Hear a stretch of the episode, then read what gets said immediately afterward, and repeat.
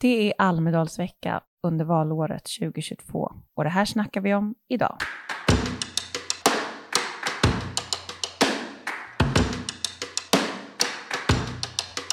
Varför är rektorer också vdar och bolagschefer i skolföretag? Varför har vi ett skolsystem där lärare är försäljare och reklampelare när de borde vara statliga tjänstemän med ett av vårt lands allra viktigaste uppdrag? Om detta snackar vi idag. I studion i Visby, Gotland, finns jag, Anna Herdy.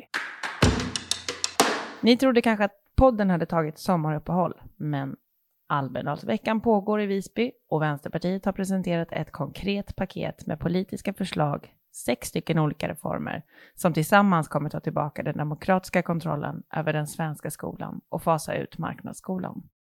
Paketet kommer dessutom vara möjligt att genomföra under nästa mandatperiod. Det ska vi snacka om idag. I mer än 30 år har politiken lämnat över ansvaret för område efter område till marknaden. Allra värst sett till vilka konsekvenser det får för samhället i skolan.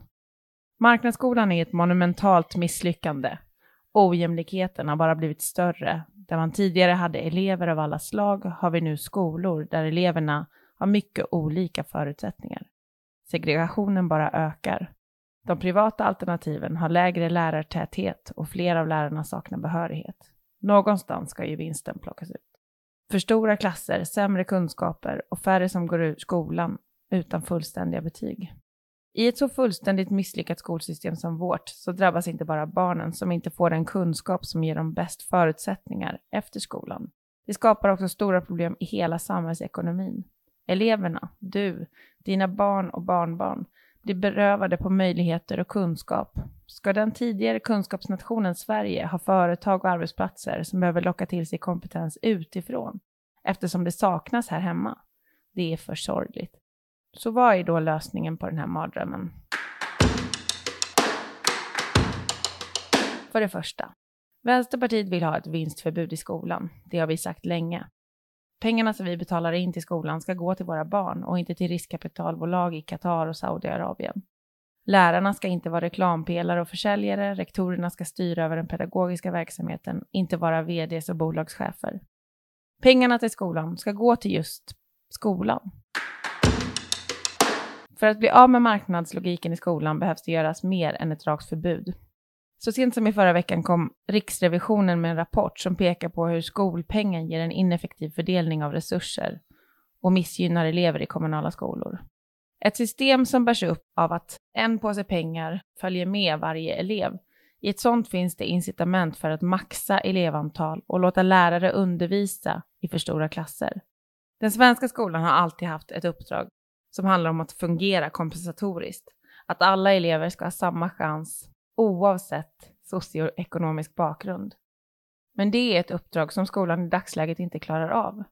Idag ser vi att kommuner där elever har svagare förutsättningar lägger mindre pengar per elev, trots att det för en likvärdig skola skulle behöva vara tvärtom. Därför vill Vänsterpartiet nu byta ut skolpengen mot en klasspeng, som istället för pengar per elev innebär pengar per klass. Vi vill se att staten tar över det kompensatoriska ansvaret i skolan.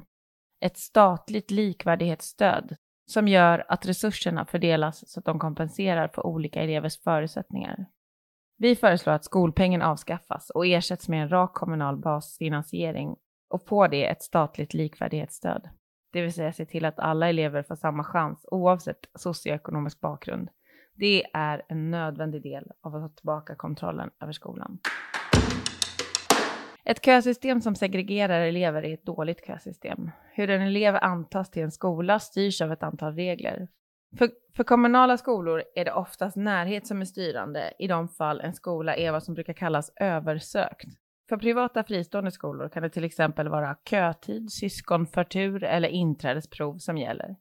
Enligt en rapport från lärarfacken använder sig nio av tio fristående skolor kötid som urvalsregel det finns också ett tydligt samband mellan kötid och socioekonomi. Ju längre utbildning föräldrarna till elever på en skola har, desto tidigare behöver man anmäla barnet för att få plats. Kötid förstärker alltså skolsegregationen. Alltså måste den bort. Ett av de stora problemen med marknadsskolan är att skolkoncernerna kan öppna sina skolor var de vill, när de vill, bara utifrån vad de tror att de kan få mest lönsamma elever. Det påverkar hela skolsystemet, såväl kommunala skolor som fristående skolor. Det är faktiskt helt orimligt att inte öppnandet av nya skolor sker planerat och rationellt utifrån vad som behövs. Tidigare har Vänsterpartiet och en del andra partier drivit på för ett kommunalt veto, det vill säga att en kommun om den vill kan stoppa en etablering. Men det skulle kunna innebära att skolan blir väldigt olika mellan olika kommuner. Om det till exempel är en moderatstyrd kommun som ska ta ställning till om en moderatägd skola ska etablera sig, kan man tänka sig att det är relationer snarare än behov som styr. Skolinspektionen ska därför få pröva behovet utifrån elevers rätt till en likvärdig utbildning. Att de tar hänsyn till behovet av nya skolor i kommunen och risk för skolnedläggningar. Kort sagt, behövs den här skolan, gör den helheten bättre, då kan man få tillstånd, inte annars. Ett annat sätt att göra vinst på skolan som har vuxit sig större de senaste åren är själva fastigheterna. Kommunerna säljer ut skolfastigheter och idrottshallar till privata bolag och får sedan betala en högre hyra och dessutom förlora rådigheten över lokalerna. Ekonomiskt är det i allmänhet en väldigt dålig affär för kommunen. Vi har gjort ett helt avsnitt om försäljning av skolfastigheter i den här podden tidigare. Det kan man lyssna på om man är mer intresserad. En av de allra mest orimliga konsekvenserna av marknadsskolan är att statistik om skolor idag ses på som en affärshemlighet. Kommunala skolor omfattas idag av offentlighetsprincipen, men inte de fristående. En lagändring har utretts men inte genomförts. De uppgifter det handlar om gäller till exempel fakta om skolans resultat eller lärartäthet, men faktiskt också vilka skolor som faktiskt finns. Det ska självklart vara offentligt så att skolorna kan granskas. En offentlighetsprincip behövs för att kunna granska hur fristående skolor drivs. Och man kan tänka sig att när skolkoncernerna ställs inför ett kommande vinstförbud så kommer det finnas en hel del kreativitet med olika tveksamma upplägg för att ta sig runt det eller föra ut pengar inför det. En stark offentlighetsprincip blir därför viktig även av det skälet. De här sex förslagen skulle kunna genomföras redan under nästa mandatperiod om det finns en majoritet för dem i riksdagen. Vänsterpartiet, Miljöpartiet och Socialdemokraterna har alla lagt förslag i den här riktningen. Men som det nu ser ut så krävs ju också Centerpartiets röster. Om valresultatet ser ut som dessa fyra partier skulle kunna komma och bilda en majoritet så vill Vänsterpartiet ha en överenskommelse om en genomförandeplan redan innan statsministeromröstningen. Marknadiseringen av skolan är ett resultat av 30 år av politik som gynnar företagen, inte eleverna. Marknaden har ätit sig in i allt fler områden. Detta måste vi nu bryta och det är möjligt om politiken tar sitt ansvar. Nu måste vi ta tillbaka kontrollen över skolan. Idag har vi pratat om marknadsskolan och hur vi ska bryta den utveckling som röda och blå regeringar bara låtit fortsätta. Vad tycker du att vi ska prata om i podden under valrörelsens slutskede? Skicka in ditt förslag på ämnet till podd och det ska vara podd med två D. Tack för att ni lyssnat och ha en riktigt god sommar.